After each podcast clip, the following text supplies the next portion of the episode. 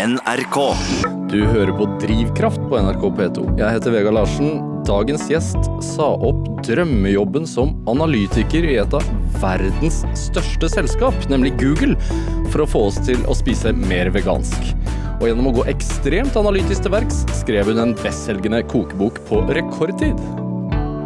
Dette er Drivkraft med Vegard Larsen i NRK P2. Hanne Lene Dahlgren, Ja, veldig hyggelig å ha deg her på besøk i Drivkraft. Åh, det er veldig stas å være her, det må jeg si. Har du hatt en fin morgen? Veldig fin morgen. Ja, Vært nede på Aker Brygge med noe som heter Sustainability Hub Norway. Vi har diskutert litt om hvordan vi skal få matbransjen til å endre seg på rekordtid. Du har allerede vært i et møte. Ja, ja. Men, men eh, jeg hadde Christian Ringnes her på mandag, mm. og han fortalte meg at han alltid starter dagen med, å, altså, med en dukkert uh, ute på Bygdøy. Er det sånn for deg også? Er det opp på fem om morgenen og ut og svømme en tur, eller hvordan er din start på morgenen? Altså, Det hørtes jo veldig mye mer spennende ut enn min morgen. Eller jeg vet ikke helt, jeg, for jeg har en fireåring og en ett og et halvt åring som drar meg opp sånn i fem-seks-tiden. Eh, Så vi er jo oppe på samme tid, men det er definitivt ikke for å bade. Eh, Det er mer for å klare å overleve morgenen før barnehagen starter. Så ingen eh, fysisk aktivitet på meg annet enn å løpe etter de. Men som kokebokforfatter og eh, matblogger, du har ditt eget matprogram på Matkanalen, eh, får du tid til å lage frokost da, altså med disse barna? Nei, vet du hva, de får spise i barnehagen. Eh, Det er sånn det. Nei, Vi, vi smører matpakke til de, og så spiser de sammen med de andre klokken halv ni i barnehagen. Så det, det er veldig koselig for dem. Ja, du gjør det sånn, ja. Ja. Men er det eh, Du har skrevet en bok om, om vegetarkost. Mm. Eh, en god vegetarfrokost, hva er det? Altså, Brød er jo faktisk vegansk, så hvis vi liksom, og vegansk betyr jo da at det ikke er egg og melk heller. ikke sant? Men eh, hvis vi bare tenker vegetar, da, så er jo ost er jo vegetarmat. ikke sant? Så de fleste spiser jo kanskje allerede et vegetarisk eh, måltid når de står opp. Men det kan jo være alt fra grøt, det kan være brødskive med Mine barn er veldig glad i sånn hummus og avokado og sånn på brødskiva. Eh, så det er veldig mange muligheter. Det er ikke rundt frokostbordet vegetarkosten er et problem. Nei, altså, jeg har, jo, jeg har jo gjort mye analyse på dette her i det Det, siste. det da. er en del egg og bacon da. Er ute, Nei, det er ikke mye egg og bacon i hverdagen i Norge. Men det er en del kokt skinke. det er en del kokt skinke. Ja, det er det. Altså, jeg har en, en smårolling hjemme selv, jeg, og, og kona mi og jeg vi bruker jo nesten Altså, nesten hver dag sånn rundt tolv så tar vi kontakt med hverandre og så spør vi hva i all verden skal vi spise til middag i dag. Nå- Man får jo inntrykk av at matbloggere og kokebokforfattere har liksom fullstendig kontroll på matrutiner. I hvert fall når man legger ut sånne lekre, danderte bilder og sånn på Instagram. Er det egentlig sånn? Har du det sånn hjemme? Cirka klokka ti over tre pleier jeg og mannen min å ta kontakt for akkurat samme spørsmål. Ja, dere gjør det? Ja, eh, og da er det jo litt avhengig om jeg har jobbet hjemme den dagen eller om jeg er borte. Men har jeg jobbet hjemme, så pleier jeg ofte å ta den samtalen mens jeg står foran kjøleskapet. Så er det sånn, ok, hva slags rester har vi? Hva har vi igjen? Og så slenger jeg sammen et eller annet sånn i firetiden. Og så ramler de andre inn sånn halv fem, og så spiser vi det. Ja. Ok, det er veldig godt å høre. Ja. Men det, det kan nok, for deg kan hende at den maten ser ø, på en måte uoppnåelig ut. Fordi at jeg vet hvordan jeg skal sette sammen rester så det ser fancy ut. Ikke sant? Ja. Men hadde du vært med meg hjem, så hadde du sett hvor lett det var.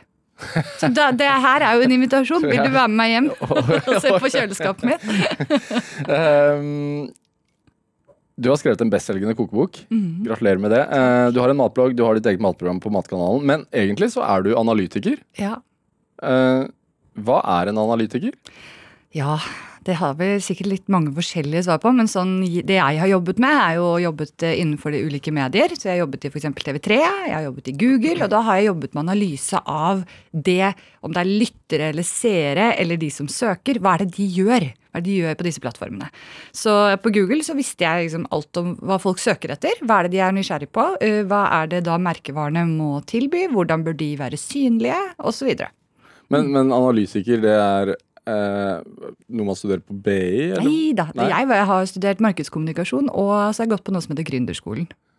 Men man er god på tall Man må ikke være god på tall, men eh, det handler vel om å ha Eller du, du må jo bli god på tall, men du må ikke nødvendigvis ha studert så veldig mye av det. Du kan ha litt sånn metode og statistikk, kanskje, men jeg er ikke noe Altså, jeg er ikke en sånn som kan masse lange formler og alt mulig, men jeg er sjukt nysgjerrig. Så jeg har lyst til å finne ut av ting. Og så finner man ut at eh, det går an å gjøre i, Excel eller andre sånne programmer. da. Eh, Så går det an å finne ut veldig mye spennende. Ja, For jeg ser sånn PST og sånn søker jo stadig etter analytikere, eller jeg ser det på sånne Ja. spionfilmer og sånn, men det, er- det er ikke en sånn type analytiker. Da kan jeg i hvert fall ikke fortelle om det her. Men, men eh, mm, du fikk jobb i Google, Mm. et av verdens største selskaper. Hvordan er det å jobbe i Google? Eh, Jeg vil si det er hektisk, inspirerende, slitsomt og gøy. Hvor stort er det i Norge, egentlig? Eh, Nå tror jeg de er sånn 70-80, men eh, den, alle de årene jeg har jobbet der, så var det sånn mellom 30 og 40, og så har de liksom ekspandert en del nå. Men det er ikke stort i Norge, og de skal heller ikke bli egentlig veldig store. Eh, Men i verden så er det jo ja, 100 000 ansatte, eller noe sånt. En veldig populær eh, arbeidsplass. Det er mange som søker eh, for å få plass til å jobbe der. Men hvordan, hvordan havnet du der? De ringte meg eh, sommeren for fem-seks år siden. Eh, og da skulle jeg egentlig i gang med prøverørsprosjekt, rett og slett. Jeg skulle prøve å få barn. Men jeg og mannen min hadde ikke fått det til, så vi var jo sånn ok, i august da starter vi med dette prosjektet. Ganske sånn planlegging, da. Ja. Og så ringer Google i juli og sier du, hei, vi, vi har en stilling som analytiker her som vi tror kanskje du vil passe veldig bra til. Er det noe vi kunne prate om? Og jeg sånn, åh, men jeg jo- jeg skal jo egentlig prøve å bli gravid, og uff, dette blir jo kjempevanskelig, men det er verdens beste selskap som ringer. Så jeg ble veldig usikker, men så tenkte jeg, jeg får sikkert ikke jobben uansett. Så jeg bør, bør i hvert fall prøve, da. Ja. Og så gikk det veldig fort, så det tok bare tre uker, og så hadde jeg gått gjennom seks intervjuer, tror jeg, og forskjellige land, og det var liksom masse greier. Og så fikk jeg tilbudet, da. Da ble jeg litt stressa. Så sånn, å nei, må jeg ikke bli gravid nå, da? Så jeg sa det til dem når jeg hadde fått tilbudet, sa jeg at jeg er litt usikker. For jeg har lyst til å få familie. Vi har prøvd i et par-tre år. Jeg har lyst til å prøve å liksom få til dette her, da. Ja. Eh, og de bare, ærlig talt. Altså, folk får familie, alle på kontoret vårt har barn. Det får bare skje hvis det skjer. Og så ble jeg jo gravid, da. Eh, fant ut fredag og begynte mandag. Oi, wow. Men du ble rett og slett headhuntet, da. Ja, jeg blei vel egentlig det. Mm.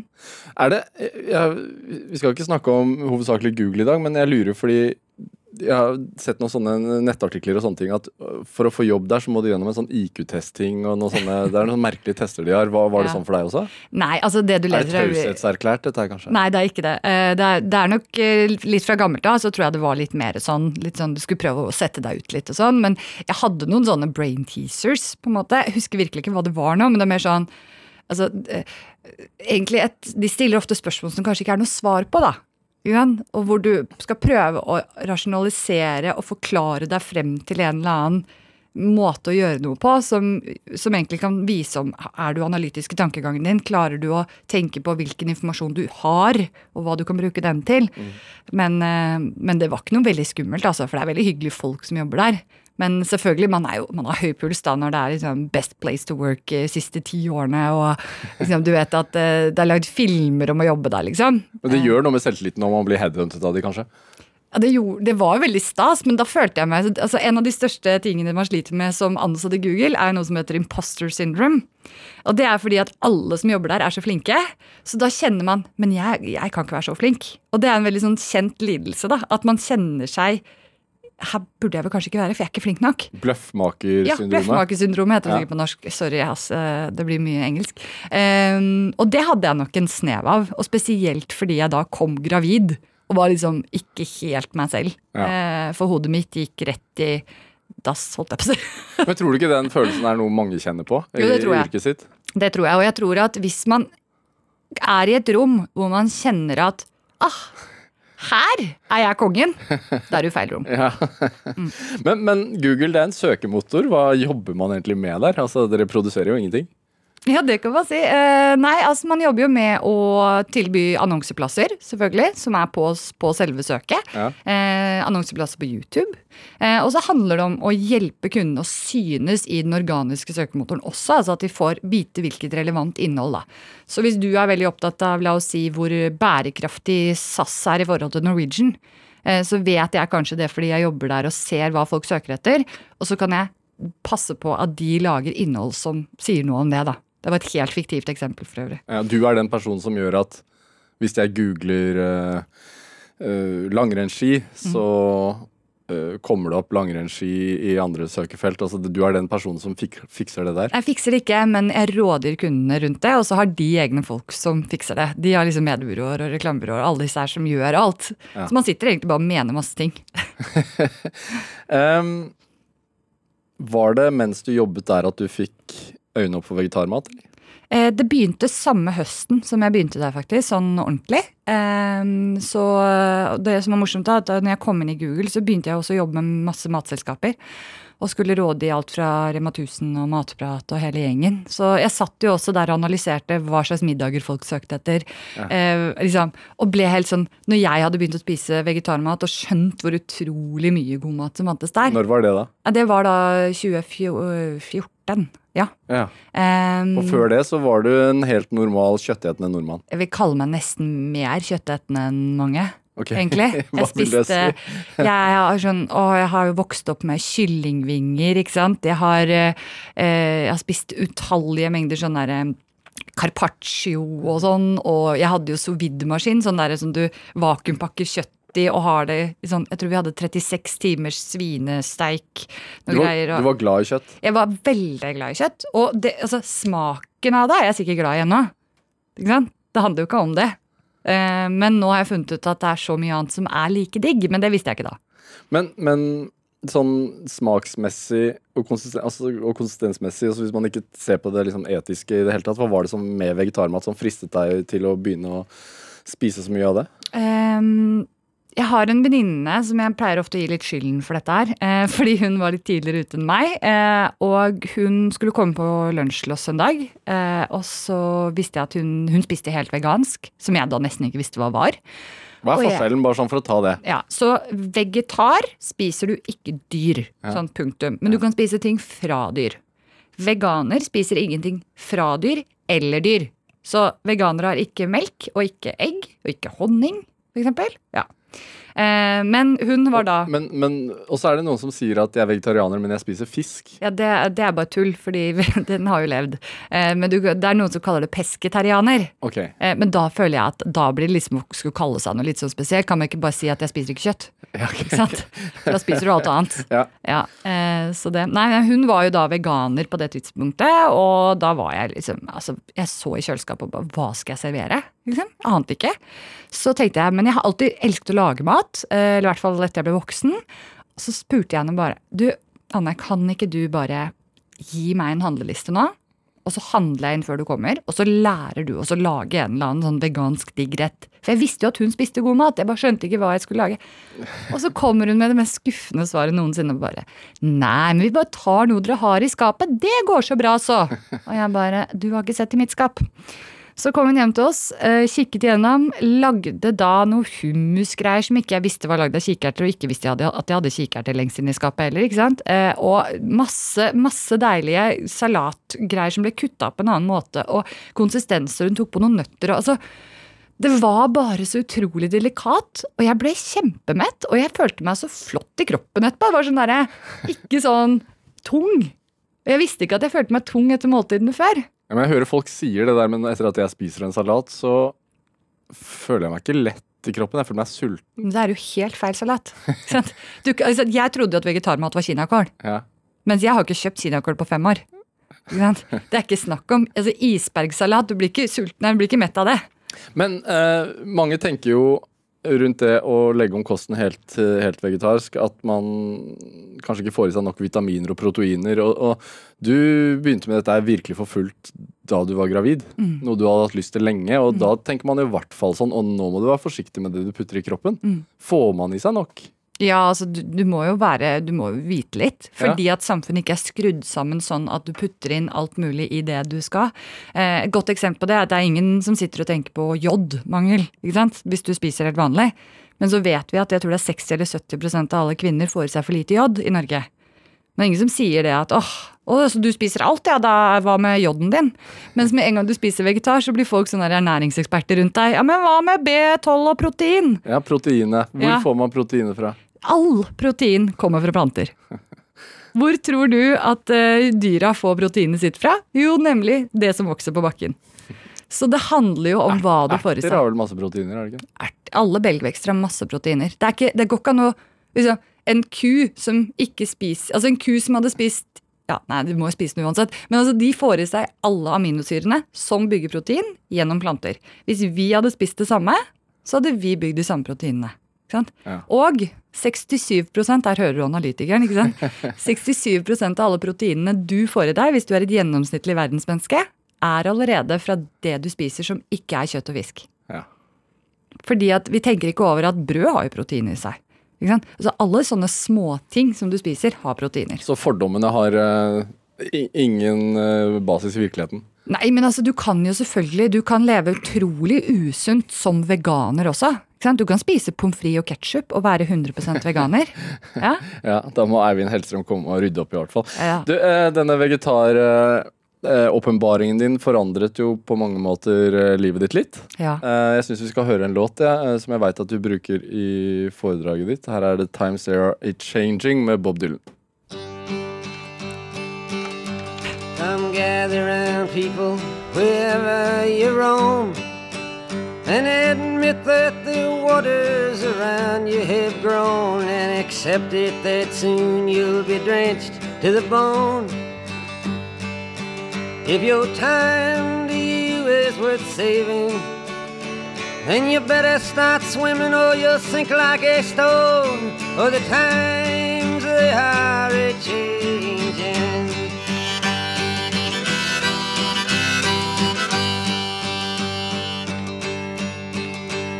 Some writers and critics who prophesize with your pen.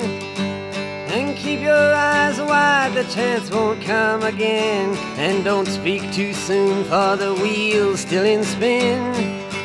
And there's no telling who that it's naming.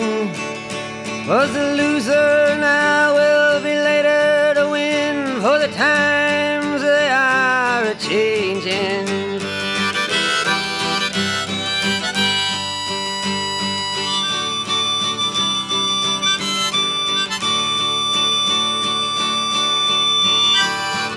Senators, congressmen, please heed the call. Don't stand in the doorway, don't block up the hall. For he that gets hurt will be he who has stalled. The battle outside raging will soon shake your windows and rattle your walls. For the times they are a changing. Ja, Bob Dylan der også med The Times They Are A Changing. Du hører på Drivkraft på NRK P2. Jeg heter Vegard Larsen, og i dag så har vi besøk av eh, den bestselgende kokebokforfatteren Hanne Lene Dahlgren, eh, som har skrevet en bok om vegetarkost. En bok som eh, ønsker at vi skal spise mindre kjøtt, rett og slett. Ja, i hvert fall veldig mye mer vegetar. Så får man jo se hva man bytter ut. Hva var det som overbeviste deg om at det var behov for en sånn type bok? Um, mine venner og familie er vel egentlig det korte svaret på det. Fordi uh, når jeg begynte å spise sånn her, så ble jeg litt sånn nyfrelst, som veldig mange blir. Fordi man skjønner plutselig Oi, kan man spise, kan man spise det? Kan man spise det? Plutselig likte jeg brokkoli. Jeg synes brokkoli var bare sånn kjedelig ting du måtte ha ved siden av. liksom. Eh, og så sluttet jo folk å ville ha oss på middag. Det syns jeg var litt trist. Men alle ville komme på middag.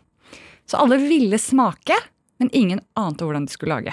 Og ing- du, altså invitasjonene Sluttet. sluttet å komme Ja. etter at uh, dere ble vegetarianere på hjemmebane? Yes. Oi. Det gjorde de. For folk var litt sånn Men øh, jeg vet ikke hva jeg skal lage, og det blir så stress. og liksom, Alle er jo ikke glad i å lage mat. De fleste, altså de færreste nordmenn aner hva de skal ha til middag. sånn som vi snakket om i sted. Når de går hjem fra jobb, så er det åtte av ti som ikke aner hva de skal ha til middag. Så det at de da i tillegg skal måtte ah, Skal vi ha noen gjester som ikke spiser ditt og ikke spiser datt, så vet de ikke hvilke hyller de skal gå i butikken engang. Eh, så da begynte jeg å, å få en del forespørsler. Ja, men å, den som du lagde til oss da var så god, kan ikke du sende meg oppskriften? Og så måtte jeg begynne å skrive ned hvordan jeg gjorde det og sånn. Og la det bare ut på en sånn nettside som ikke var markedsført noe sted, men bare til venner og familie. Men, men altså, ble, ble vennene dine eh, provosert av det også? Noen har blitt det. Ja? Ja, absolutt. Noen blir provosert uten at jeg sier noe som helst. Og, og tillegger meg meninger. Ikke, ikke de nærmeste vennene, selvfølgelig, men altså andre folk som, som liksom sier at jeg vil jordbruket til livs. Og det er liksom ikke måte på hva de, hva de legger i min holdning, da, som ikke jeg noen gang sier. Men eh, folk blir veldig provosert når de tenker at du skal ta fra de god smak. Bare hør nå, ikke sant? Ok, nå tester vi. ja. Du skal aldri få spise sukker igjen eller drikke vin. Hvor mye digger du meg nå, liksom? Du gjør ikke det? Nei, jeg liker ikke det. Nei, og sånn tenker folk med når jeg snakker om vegetarmat. Så tenker de skal jeg aldri få spise noe godt, da? Det er ikke det greit. Ja, hvis jeg kjører over en kanin, da kan jeg spise den. Kanskje ikke kanin, men skjønner greia. De kommer med sånne helt absurde greier som skal prøve å rettferdiggjøre at de egentlig ikke vil endre seg, da. Det blir som flyskammen. Ja, det, jeg, tror, jeg, jeg tror det er verre. Ja, ja. Mm. Eh, du er jo ikke noen profilert kokk. Du var jo ikke det på forhånd, i hvert fall. Jeg er ikke Eh, kokk. Nei, så du var, du var ikke akkurat Eivind Hellstrøm. Eh, men som du sa, du var glad i å lage mat. Men hvordan Det er jo mange som er glad i å lage mat. Det er ikke mange som får gitt ut en kokebok. Nei. Eh, hvordan overbeviste du selskapet om at de skulle satse på deg og den boka her? For det har jo kommer jo en vegetarbok i ny og ne, Ja det hadde kommet eh, tre stykker i det samme kvartalet. Jeg slapp min. ikke sant? Um, nei, det Jeg trodde jo ikke at jeg kom til å få gitt den ut, for å være helt ærlig. Og så er jeg såpass uh, egen at jeg hadde lyst til å bare gjøre alt sånn som jeg ville. Så jeg hadde ikke egentlig lyst til at et forlag skulle bestemme noe som helst. Jeg vurderte å gi den ut selv. Men uh, så ble jeg enig med noen venner av meg at uh, vet du hva, jeg tar, jeg tar kontakt med Gyldendal, bare hører med de. Og de sa jo som man alltid gjør hos forlag, ja, ja, men send oss manus, skal vi vurdere det. Men jeg hadde jo ikke noe manus. Jeg hadde jo bare en idé. Så jeg Og, og ideen var en vegetarkokebok, så ikke, ikke nødvendigvis en liksom sånn genial idé. Jo, eller jeg vil jo påstå fordi at jeg ville lage verdens beste vegetarbok til ikke-vegetarianere. Ja. Og det syns jeg var en unik måte å tenke på det på. Fordi jeg vet at ikke jeg får hele Norge til å bli vegetarianere. Men hvis jeg får 50% av Norges befolkning til å spise flere vegetarmåltider i uken, så har det mye mer å si enn om jeg får til at jeg får omvendt ti venner til å bli veganere, liksom. Det har ikke noe Da burde jeg bare blitt i Google og jobba med det. Jeg tjente masse penger der, liksom. Det gjør jeg jo ikke her. Men var det det du sa til forlaget? Eh, ja, sånn i store og dele så gjorde jeg det. Jeg hadde 15 minutters møte som jeg fikk krangla meg til, da, og sa at jeg vil komme. Jeg vil at dere skal møte meg. Og så holdt jeg en pitch på samme måte som jeg gjorde i Google til kunder. Altså en salgspitch, da, som vi kaller det. Hvor jeg viste statistikk. eh, hvilke kapitler jeg ville ha, hvordan jeg skulle gå fram for å finne ut av hvilke retter som er de absolutt, absolutt beste for ikke-vegetarianere i Norge. Og for den store mengden som ikke vil på en måte egentlig endre seg, men de vil det litt likevel. Sant? Mm. Men det som er spesielt med boka di, er at det står på forsiden av den at den er testet og godkjent av 50 familier. Eh, og sånn jeg forstår det rett, så brukte du liksom din kompetanse og din erfaring med statistikk og tallanalyse for å skrape sammen manuset til den. Ja. Altså det jeg gjorde, var at jeg, når jeg fikk ja, da, eh, så hadde vi veldig kort tid før vi skulle publisere det. For jeg skulle jo tilbake. Jeg var jo mammaperm når jeg skrev denne boken. Eh, Det òg, ja. Ja, så jeg hadde innmari god tid. Eh, så jeg ville ha den ferdig før jeg skulle liksom tilbake og jobbe for Google igjen. da. Så da tenkte jeg at jeg trenger hjelp, og jeg må ha andre smaksløker enn bare mine egne som referanser. Fordi jeg hadde jo da spist vegetarisk i fire år. Jeg huska jo ikke helt hvordan ting smakte før man også blir litt vant til nye ting. Så jeg vil gjerne ha hummus på alt. Men det vet jeg at kanskje ikke du vil, ikke sant? Um, så da samlet jeg 53 testfamilier, faktisk. Um, Hvordan fikk du tak i de? de fleste, rundt 45 av de, er venner og bekjente. Som på en måte var litt sånn involvert i prosjektet uansett. Og så spurte jeg er det noen av dere som kunne tenkt dere å hjelpe meg, og så sa jo nesten alle ja. Og da i løpet av ni uker så testet disse de oppskriftene som jeg hele tiden utviklet. Så jeg eksempel brukte en dag, da. Så hadde jeg ti pizzaer som jeg lagde på én dag. Og alle de ti var jeg fornøyd med kanskje i en viss skala, da. Og så sendte jeg ut kanskje de seks beste av de på test. Og så fikk jeg da tilbake fra mange familier som alle spiste kjøtt til vanlig. Hvilke de syns var gode, om de fikk tak i ingrediensene, om de ble mette, om ville de lagd den igjen, osv. osv. Ja, For de måtte handle inn selv og Ja, ja. lage hele måltidet på egen hånd? Vet du hva, Det var ingen betaling noe sted, så dette var ren frivillighet. Og jeg har en familie som testet 19 oppskrifter på ni uker. Ja, da er du ivrig. Ja. Det er veldig, så hun vil jeg nesten si at er medforfatter. Um, men, eh, nei, men det som det gjør, da, det å lytte til de som du ønsker å faktisk snakke til, det er veldig smart. Fordi da fikk jeg snakke til ikke-vegetarianerne. Jeg fikk hørt at når de sa åh, jeg visste ikke at det å sylte rødløk var så enkelt. Det kan man jo gjøre liksom en gang i uken, og så har du det til alle retter. Det er en veldig bra innsikt å ha, for da vet jeg at den må selges inn ekstra i boken. Og det er viktig at man tar vekk brodden som de kommer til å tenke. De kommer til å tenke ja, men jeg kan ikke sylte. Ikke sant? Så Derfor heter den superrask eller sånne ting. Sånn at man hele tiden tenker hva er, det, hva er motargumentene her? Ja. Um, og kommer jeg til å bli mett av denne, da? Denne blir du mett av! Ikke sant? Så hele tiden så brukte jeg det de hadde som innspill, og så tok jeg vekk noen av de mine favorittretter. Fordi at de ble for kompliserte, eller liksom at barna til testfamilien ikke digga det.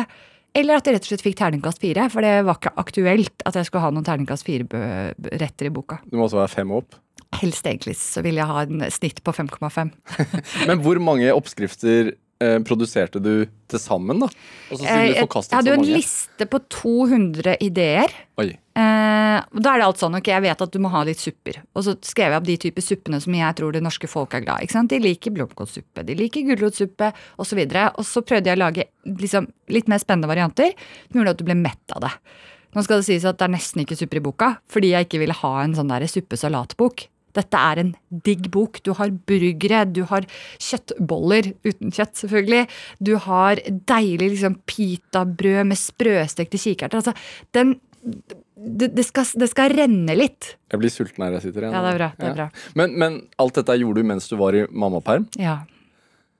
Jeg, mer, jeg merker jo, altså jeg har, har en guttunge med på 16 måneder, og det er jo noe som heter sånn misunnelse og irritasjon mot andre folk som har eh, permisjon med barn, som får til fryktelig mye. Merka du det sjøl? Jeg merker jeg Ja. blir litt irritert nå. Hvordan i all Ja. verden fikk du til alt Ja, det jeg vet det. Jeg vil virkelig ikke påføre noe mammapermskam, liksom. Eller pappapermskam. Eh, men jeg, altså jeg, for det første hadde jeg jo en lang permisjon, jeg hadde ett år. Ja, for det, altså. ja. Nei, jeg kjenner i hvert fall at etter jeg har vært i perm sånn fire måneders tid, når liksom rutinene begynner å sette seg og det ikke er så krise med alt lenger, så må jeg gjøre noe annet i tillegg. Eh, For hvis, hvis ikke jeg bruker hodet mitt på noe annet, så blir jeg rett og slett ikke lykkelig. Eh, for da begynner det liksom å bli litt for mye bare baby og bæsj. Ikke sant? Eh, så, så han eh, siste, da, han fikk sitte i en sånn stol oppå kjøkkenøya ganske ofte og smake på nye ting. Og var med, og vi sang og vi styra mens jeg lagde matretter. Og så jobbet jeg selvfølgelig da hver eneste kveld når han la seg. Og så var jeg heldig at jeg hadde en mamma som hjalp meg en gang i uken. da. Så jeg hadde hver tirsdag. Da hadde jeg hele dagen. Er en mann nå, da. Ja, men han var på jobb. Ja, eh, Men mamma var der liksom på dagtid. Ja, det er imponerende, det må jeg bare si. Eh, denne boka eh, kom jo ut på starten av året. Ja, mars. Mm, Slutt av mars. Og den har blitt en kjempesuksess. Mm. raskt en av Norges mest solgte kokebøker. Ja, den var Norges mest solgte i hele altså første halvår. Ja. og dette her fører jo til at du får ditt eget matprogram på Matkanalen.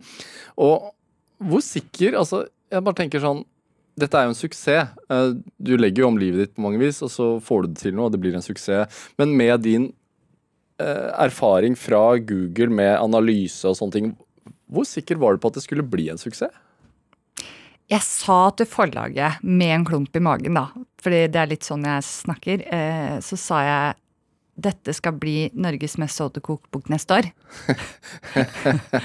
Men eh, jeg hadde, jo ikke, jeg hadde jo ikke turt å håpe på det. Og spesielt når jeg så at Hellstrøm, som du nå har nevnt et par ganger, slapp faktisk bok uka før min. Da tenkte jeg nå er det kjørt. Nå blir han, nå er det han som får all oppmerksomheten og sånn. Og så ble det ikke det, da. Så det var jo stas.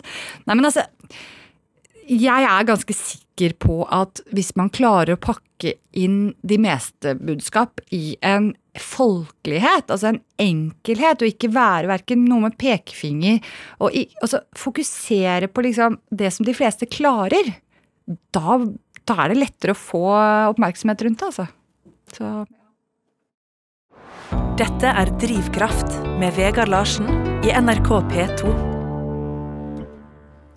Ja, og I dag har vi kokebokforfatter Hanne Lene Dahlgren her på besøk i Drivkraft. Eh, du jobbet jo i Google mens du skrev denne kokeboka for Gyldendal, men du sa opp jobben din.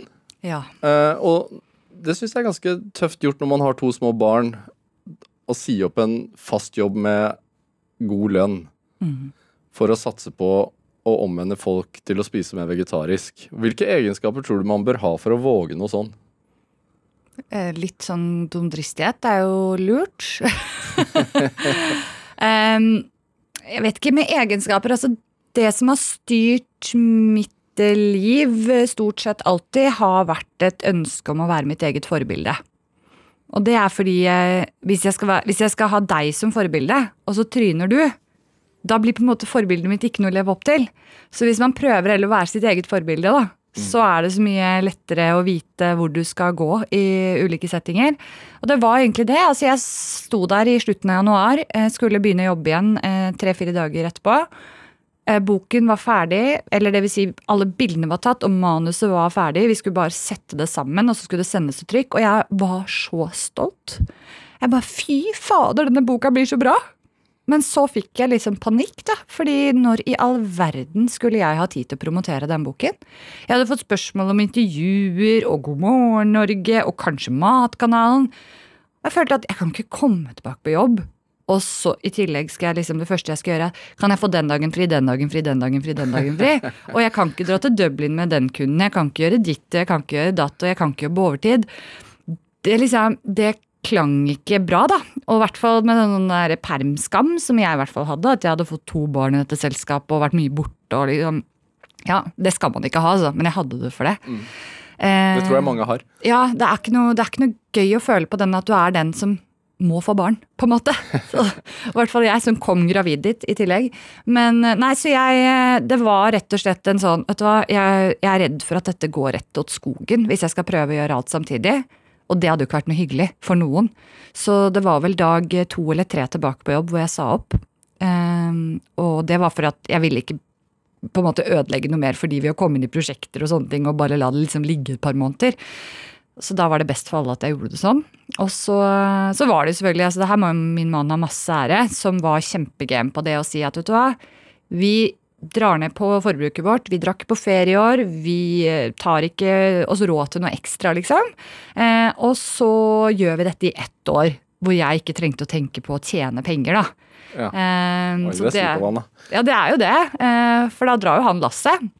Men, eh, men vi bestemte oss for det, og nå er jo det året snart omme. Så vi er vel begge enige om at det blir ikke bare med, med ett år nå. Men, eh, men eh, da ante vi jo heller ikke at det kom til å gå så bra. Men hvordan er magefølelsen da når man går ut dørene av Googles mm. hovedkvarter i, i Oslo, er det ikke det? Ja. For siste gang, og du tenker sånn ok, det kommer en bok, jeg aner ikke hva som skjer med det. Nei.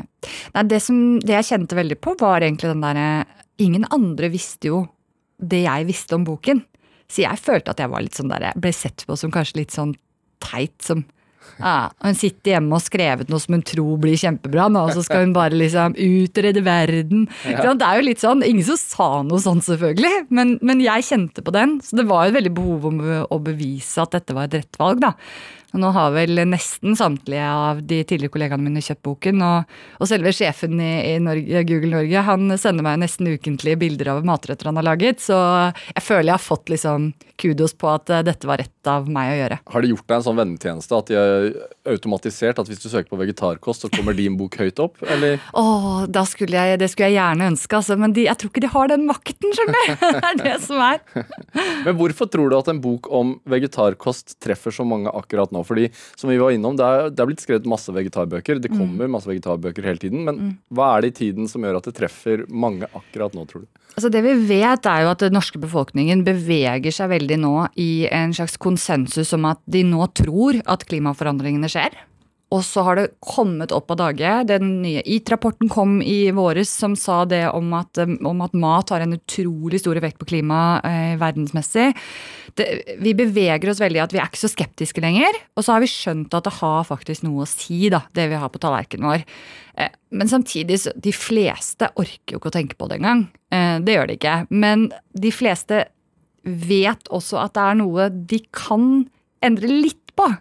Og så da kan det hende at de sier sånn ja ja, men jeg spiser jo ikke så mye kjøtt, jeg. Altså jeg, rødt kjøtt, da, men jeg spiser jo svin. Ja ja, ok. Klimamessig så er det litt bedre. Dyrevelferdsmessig så er det ikke så mye bedre. Men da er det igjen prøve å ikke ha den pekefingeren, da. Men er det Altså Matvaner er jo veldig personlig.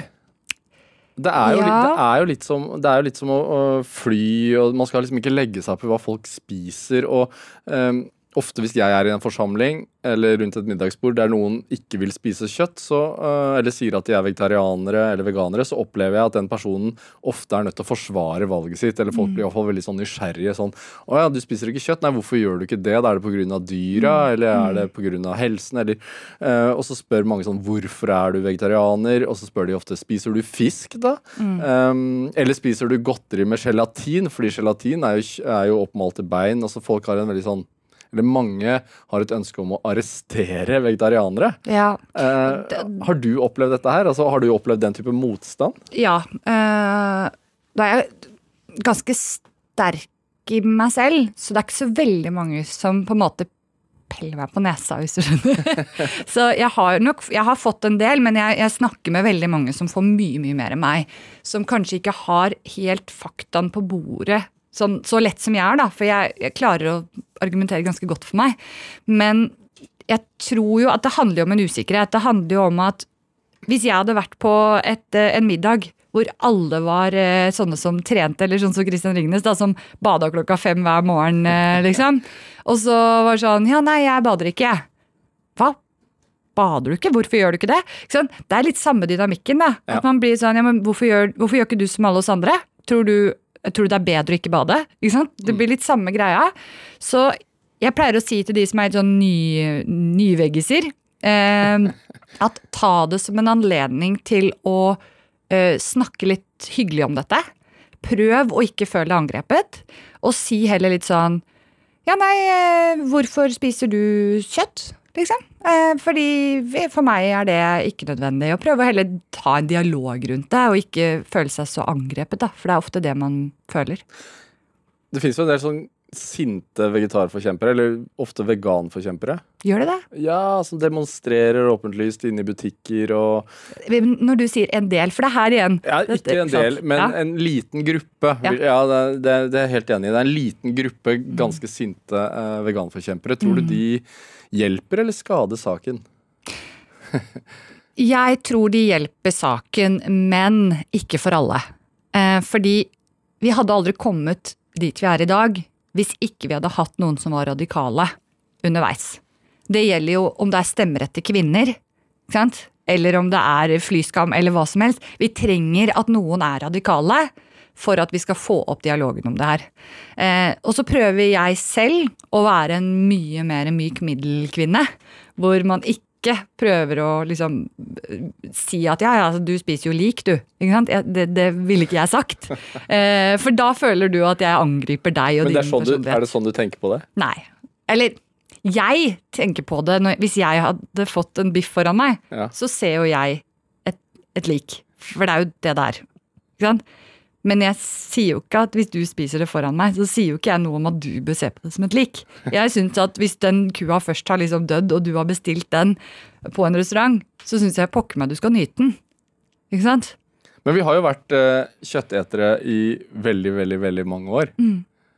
Uh, så så det, det, det føles jo litt sånn provoserende for mange. Jeg skjønner jo at folk kan bli provosert av det. Eh, for hvorfor skal man slutte? Det er, jo, en del, det er en del av vår natur. Men der igjen, jeg sier ikke at alle skal slutte. Mitt mål, det jeg jobber for, er å ha en 30 reduksjon innen 2025 i Norge. Det trenger vi. Og vet du, liksom, Hvis vi går tilbake til 1989, da da var du og jeg akkurat født begge to. ikke sant? Sånn cirka. Takk for det. Eh, ja, vær så god. Eh, men sånn, i, i 1989 da, da spiste vi 30 mindre enn det vi gjør i dag. Og hvis vi går enda 30 år tilbake der, så har vi jo dobla kjøttforbruket siden det. Så det at vi tror at vi alltid har spist sånn som vi gjør i dag, det er helt katastrofalt feil. Vi har aldri spist så mye som det vi gjør i dag. Så vi bør alle redusere fordi, ikke bare pga. klima, for det er, det er en utrolig viktig sak, men det handler jo også om helsa vår. Vi, vi spiser jo ikke sånn som man egentlig burde ifølge Helsedirektoratet en gang i Norge. Dobbelt Altså, halvparten av alle menn i Norge spiser dobbelt så mye rødt kjøtt som maksgrensen til Helsedirektoratet. På 60 år så har vi vel økt forbruket vårt med en geit ekstra per person. Det, jeg pleier ikke å telle geiter. Nei. Det er så innmari få som spiser det, men eh, det kan hende. Ja. Men, men er det en frykt for fremtiden også til dine barn som gjør at du er så involvert i dette her? Ja, altså det handler jo om et, et ønske om å endre verden. Ellers hadde jeg jo aldri gjort det her. Jeg har sånn små mål. Ja. Nei, men altså, jeg vil ikke være en dråpe i havet, da. Jeg vil være ringer i vann. Ikke sant? Jeg vil spre det her. Eh, og om mine barn velger å spise kjøtt og fisk når de blir større, og de gjør det litt innimellom i barnehagen uansett, da, men om de velger det, så er jeg ganske sikker på at jeg har skapt en stor endring i deres liv i forhold til hvis ikke jeg hadde gjort dette her. Så viktig er det. That's me. And that's three people. And I'm going to help them. But it has to be something really big. Something they can't do by themselves. So I do it for them. Then they do it for three other people. That's nine. And I do three more. That's 27, so I, I'm not really math, but it gets big really Ja, Vi hørte et klipp fra filmen Pay It Forward, et drama fra år 2000 der altså, som kom litt sånn brått på lytterne, kanskje. Men eh, Hanne Lene Dagegren, du er her i studio i dag og prater om kokeboka di. Eh, hva er det med denne filmen her som inspirerer deg, da? Altså, Det er akkurat det han sa nå, var det ikke det? For, det, Ja. for meg så hørtes det litt ut som det du fortalte før klippet. Ja, og det er egentlig det. Jeg tror eh, at den filmen har liksom svidd seg litt på netthinnen. Eh, var det 2000 du sa den kom? I 2000, ja. Da var jo jeg 15 år. Eh, og jeg husker den så godt at jeg ble så inspirert. For dette er jo en liten gutt da som får en skoleoppgave eller noe sånt om at eh, hva er det du kan gjøre for å redde verden. Og, og han finner ut at hvis jeg, hvis jeg klarer å få tre mennesker til å gjøre noe Eller hvis jeg kan gjøre ting for tre mennesker som de ikke kunne klart å gjøre for seg selv. Ja, så Hvis han gjør en tjeneste for tre fremmede, Ja. og istedenfor at de betaler han tilbake, så Så skal de de- gjøre Ja. En tjeneste til tre nye. Ja, Så det blir dette med ringer i vann, som jeg syns er en veldig fin måte å se det på. For jeg er, i, jeg er i mye politiske debatter, jeg snakker mye om sånne ting, og folk sier alltid ja, men det jeg gjør, har ikke noe å si. Og det vil ikke jeg høre på. Det er ikke snakk om at det er sant. Så når folk sier, og dette har kanskje ikke med kjøtt å gjøre, men med fly også, det kan jo overføres, at det spiller ikke noen rolle om at jeg lar være å fly til London, for det flyet går uansett. Det er totalt ansvarsfraskrivelse. Ikke sant? Fordi det du gjør, og dette har jeg fra bl.a. en som er klimaforsker, eh, som er psykolog og klimaforsker, som sier det at det ett menneske gjør, jeg tror, det er Per Espen Soknes. jeg tror han sier at det ett menneske gjør, hvis ikke du er på TV og radio og sånn, da, de kan påvirke enda mer, men de kan påvirke rundt 10 000 mennesker ved hjelp av at på en måte jungeltelegrafen går, da. Ett menneske kan det. Ett menneske kan det. Og det betyr at bare det at hvis du f.eks. får solcellepanel på taket ditt hjemme Jeg vet ikke hvor mange naboer som kommer til å få det innen kort tid. Jeg har ikke noe svar på det, men det kommer til å gå kjempefort. Fordi man ser på mennesker som man kjenner. I barnehagen, hvis du sender med barna dine litt annen type pålegg, som gjør at de andre barna blir nysgjerrige, så kanskje smaker på det, osv., osv. Ringer i vannet kan vi alle skape i større eller mindre grad. Og så sier ikke jeg at du skal slutte å fly til London, eller at du ikke skal spise kjøtt, eller at du ikke skal ha ribbe på julaften. Men det å tenke seg gjennom at hvilket forbruk ønsker jeg å ha, hvor kan jeg dra ned? Og så er jo det litt som mannen min pleier å si, det er at vegetarmat er jo det absolutt letteste valget du kan gjøre. Fordi du taper ingenting. For hvis du lager rett vegetarmat, så får du like mye matglede. Og da er det jo på en måte ikke noe tap. Men det er litt mer tap å ikke dra til London. Men er det bare positivt hvis alle blir vegetarianere? Eh, ja, det vil det vel for så vidt være. Bortsett fra kanskje for kjøttbøndene som ikke rekker å omstille seg hvis det hadde skjedd over, over natta. Men jeg mener at det må vi jo legge opp til at de skal kunne i norsk politikk. Altså, bort med husdyrhold. Nei, altså, jeg, det kommer aldri til å skje. Vi kan ikke ha det sånn. Ikke? Det, det kommer ikke til å skje at vi kan skru over den bryteren. Men i en ideell verden skulle jeg gjerne hatt det sånn. Og jeg skulle gjerne hatt det sånn at vi, ingen av oss fikk lønn og bare gikk rundt og, og hjalp hverandre og dro, drev samfunnet uten noe som helst insentiver. Men let's be honest, det er jo ikke sånn. Men har vi matjord nok da, til å produsere grønt til alle? Det spørs eh, hvilke land du tenker på. Norge, for eksempel. Ja, men ikke sant? Da er det sånn, Hvorfor er selvforsyningsgraden så viktig for oss? Det, det kan jo være et legitimt spørsmål i den. Hvis du er så opptatt av at vi skal dyrke alt selv, er det ikke mye smartere at vi for eksempel, har veldig stor mulighet til å dyrke både korn og erter og sånt i Norge, mens kanskje i, i Frankrike da, så er det ikke erter det beste for den matjorden. Der er det kanskje bedre med druer, f.eks. Er det ikke bedre at vi prøver å dyrke det som er absolutt best å dyrke der som det er best å dyrke det, og at vi har internasjonale handelsavtaler som gjør dette bedre? Og da er det mange som tror det at ja, men en avokado som flyr inn fra Chile, det er jo mye verre enn storfekjøtt. Nei, det er det ikke! Det er faktisk ti ganger bedre. Fordi at transporten av mat har bare mellom sånn 12 og 15% å si for klimaavtrykket. Så det er ikke transporten det har å si. Og så må vi huske at kua den raper like mye i Norge som den gjør i Chile. Hvor kommer denne drivkraften fra, som du har? Hvor kommer denne drivkraften for å gjøre noe godt fra? Er det hjemmefra, eller hvor har du med deg dette fra? Um, jeg har vokst opp med en, eh, en, mamma som har vært veldig sånn hun har, hun har ikke vært noen forkjemper eller noe politisk på den måten, men hun har vært veldig sånn real. Så jeg tror det har påvirket meg mye. Så har jeg noen besteforeldre som aldri hatt penger på liksom, første pri. De har liksom alltid vært nøkterne og klart seg med det de har, men har samlet, samlet familien rundt liksom noe fellesskap som jeg tror at har gitt meg en sånn selvtillit til at de er der uansett, og jeg er verdt noe uansett hva jeg eier og har, da. Mm. Um, og så har jeg jo en far som er gründer, uh, så jeg har jo sett det på, på nært hold, da, hvordan det går an å få til ting. Og at selv om du møter på et problem, så betyr ikke at du ikke kan løse det. Så jeg, jeg er ikke helt eh, sikker. Men eh, jeg, jeg, kjenner jo at jeg kunne aldri ha jobbet med noe som ikke betyr noe. Og et godt eksempel var jeg, i en jobb så fikk jeg spørsmål om en gang om å få en helt ny kunde som var veldig, veldig stas for den bedriften å få inn. Og da skulle jeg ha jobbet med markedsrådgivning eh, for en kunde som drev med utroskap. Så det, deres forretningsmodell var utroskap. Ja. eh, så det var sånn gjør livet levende, ha en affære. Ja, Fristende å jobbe for. Ja, det, det gikk ikke, så jeg sa det går ikke. Da ble sjefen veldig sur. Men eh, det, det, bare funka ikke. Men du står jo litt på barrikadene nå. Eh, mm. Er det første gang i livet ditt at du gjør det, eller har du gjort det tidligere også? Ja, det tror jeg vel egentlig det er. Jeg har ikke vært sånn ungdomspolitiker eller noe som helst. Jeg var vel noe elevrådsleder eller noe sånt. Men hva er det som har gjort at du virkelig liksom bretter opp erma nå? Jeg opplever at folk lytter til meg. Jeg tror det er det. Eh, hadde du spurt meg for fem år siden om jeg var her jeg var i dag og jobba med det jeg gjør det, så hadde jeg aldri trodd på deg. Men jeg har sett i løpet av de fem årene at stemmen min betyr noe. Ja. Hvis du skal gi Altså, jeg tenker du sluttet i jobben din, du gjorde ganske rask suksess et helt annet felt. Du føler nå at stemmen din betyr noe. Det sitter kanskje noen, en lytter der hjemme som tenker litt i samme bane som du gjorde. Hvilke råd vil du gi den lytteren? da? Vær ditt eget forbilde. Ta oss og Finn ut hva du syns er viktig. Fordi du kommer til å høre veldig mange stemmer som forteller hva de syns er viktig. Og hvis ikke du da er helt sikker på dine egne verdier og hvorfor du gjør noe, så kommer du til å føle deg ganske motløs. Dette er Drivkraft med Vegard Larsen i NRK P2.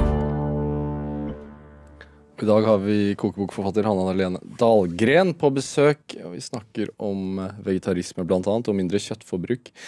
Eh, hvordan tror du Altså, Du har jo et håp om at folk skal spise mindre kjøtt. Du var jo innom uh, her uh, for, for, litt siden, altså tidligere i programmet, at for 30 år siden så spiste vi 30% mindre av den mengden kjøtt vi gjør i dag. Og ja, flere spiser vegetar, men kjøttforbruket øker jo. Mm. Hvordan håper du Norge ser ut om 20 år? I forhold til hva vi spiser, så håper jeg at vi alle har funnet en balanse hvor det er et både bærekraftig kosthold. Som, altså at vi ikke bruker mer ressurser enn det vi klarer å regenerere i jordbruket selv. Eh, og at helsen vår har blitt bedre. Vi vet jo nå at syv av ti nordmenn er overvektige. Og det, det er ikke pga. for mye vegetarmat. Det må jeg bare si. Eh, det går fint an å være usunn og spise vegetar, som jeg nevnte tidligere, men det er ikke derfor. Ikke sant? Så jeg håper vi finner en balanse på det. Jeg håper at skolene og barnehagene blir mer involvert. fordi at foreldrene må Altså, vi er allerede litt ødelagte, vi som har levd i denne 80-talls-, 90-tallstiden og, og, tidligere enn det også. Vi har våre matvaner etablert, men vi har nå nye muligheter til å påvirke de som kommer etter oss, til å spise bedre for både helse, planet og ikke minst for dyrene. Men, men hvilke tiltak sånn Håper du Ja, konkrete tiltak må til? Altså, Hva må politikerne våre gjøre for at vi skal få til dette innen 20 år? Dette må prisreguleres uten tvil. Jeg er jo skikkelig forbanna for at kjøttprisen har stått stille siden 80-tallet. Det funker ikke. Og blir subsidiert ganske kraftig, gjør det ikke Ja, vi subsidierer jo landbruket i Norge med rundt 5000 kroner per person. Det betyr at min familie på fire subsidierer landbruket med 20 000 i året for å få billigere varer i butikken. Er det såpass? Det er 20, ja, 5000 per person. Så det er 25 milli- eller 26 milliarder. Så, så det, det, det er et konkret tiltak. Ja, Ja, hva, hva? Um, det er et konkret, og så mener jeg også at vi må, vi må liksom Vi må drive litt sånn folkeopplysning på dette her. Og så må vi få bøndene med på laget. Vi er nødt til å få de til å få mer penger av å legge om driften enn å fortsette som i dag. Er det den hardeste utfordringen, eller? Jeg har diskutert mye mot eh, Senterpartiet de siste dagene ja. eh, i bøndene? media. Eh, nei, at jeg, de sier ofte at jeg ikke har peiling og ikke skjønner at eh, landbruket er skrudd sammen sånn og sånn.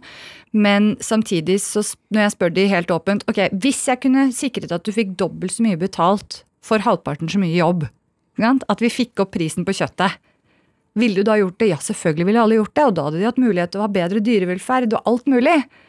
Men fordi de hele tiden tenker på at det er ikke lønnsomt.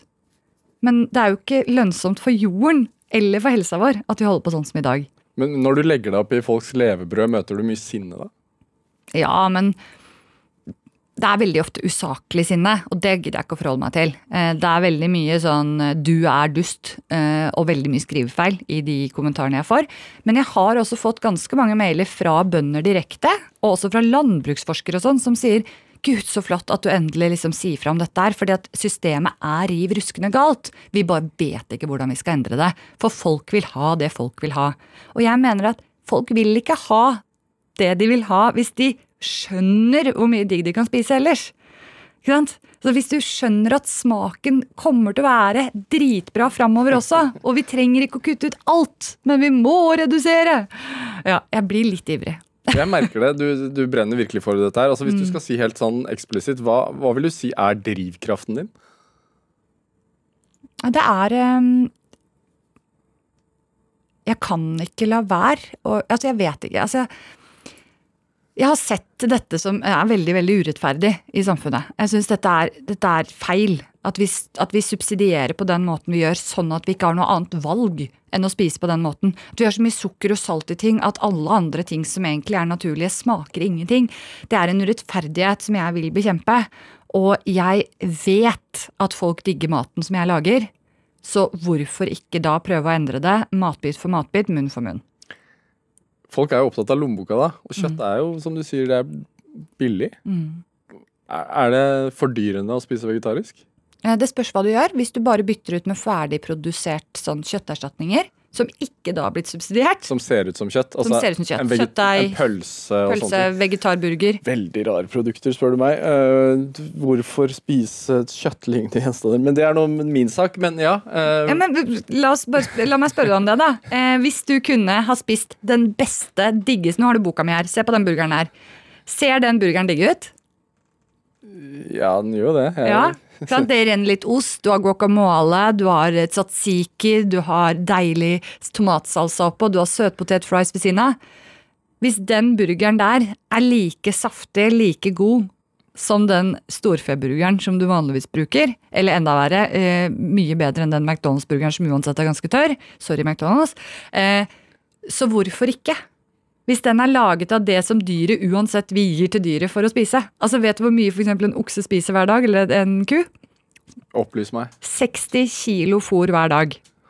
Hvis vi gjør noe av det fôret om til en burger som smaker dritdigg, som f.eks. disse Beyond-burgerne som blør, rødbetsjuice og alt mulig, hvorfor kan det ikke få lov til å ligne på et kjøtt eller et produkt som vi kjenner fra før og vet bruksområdene på?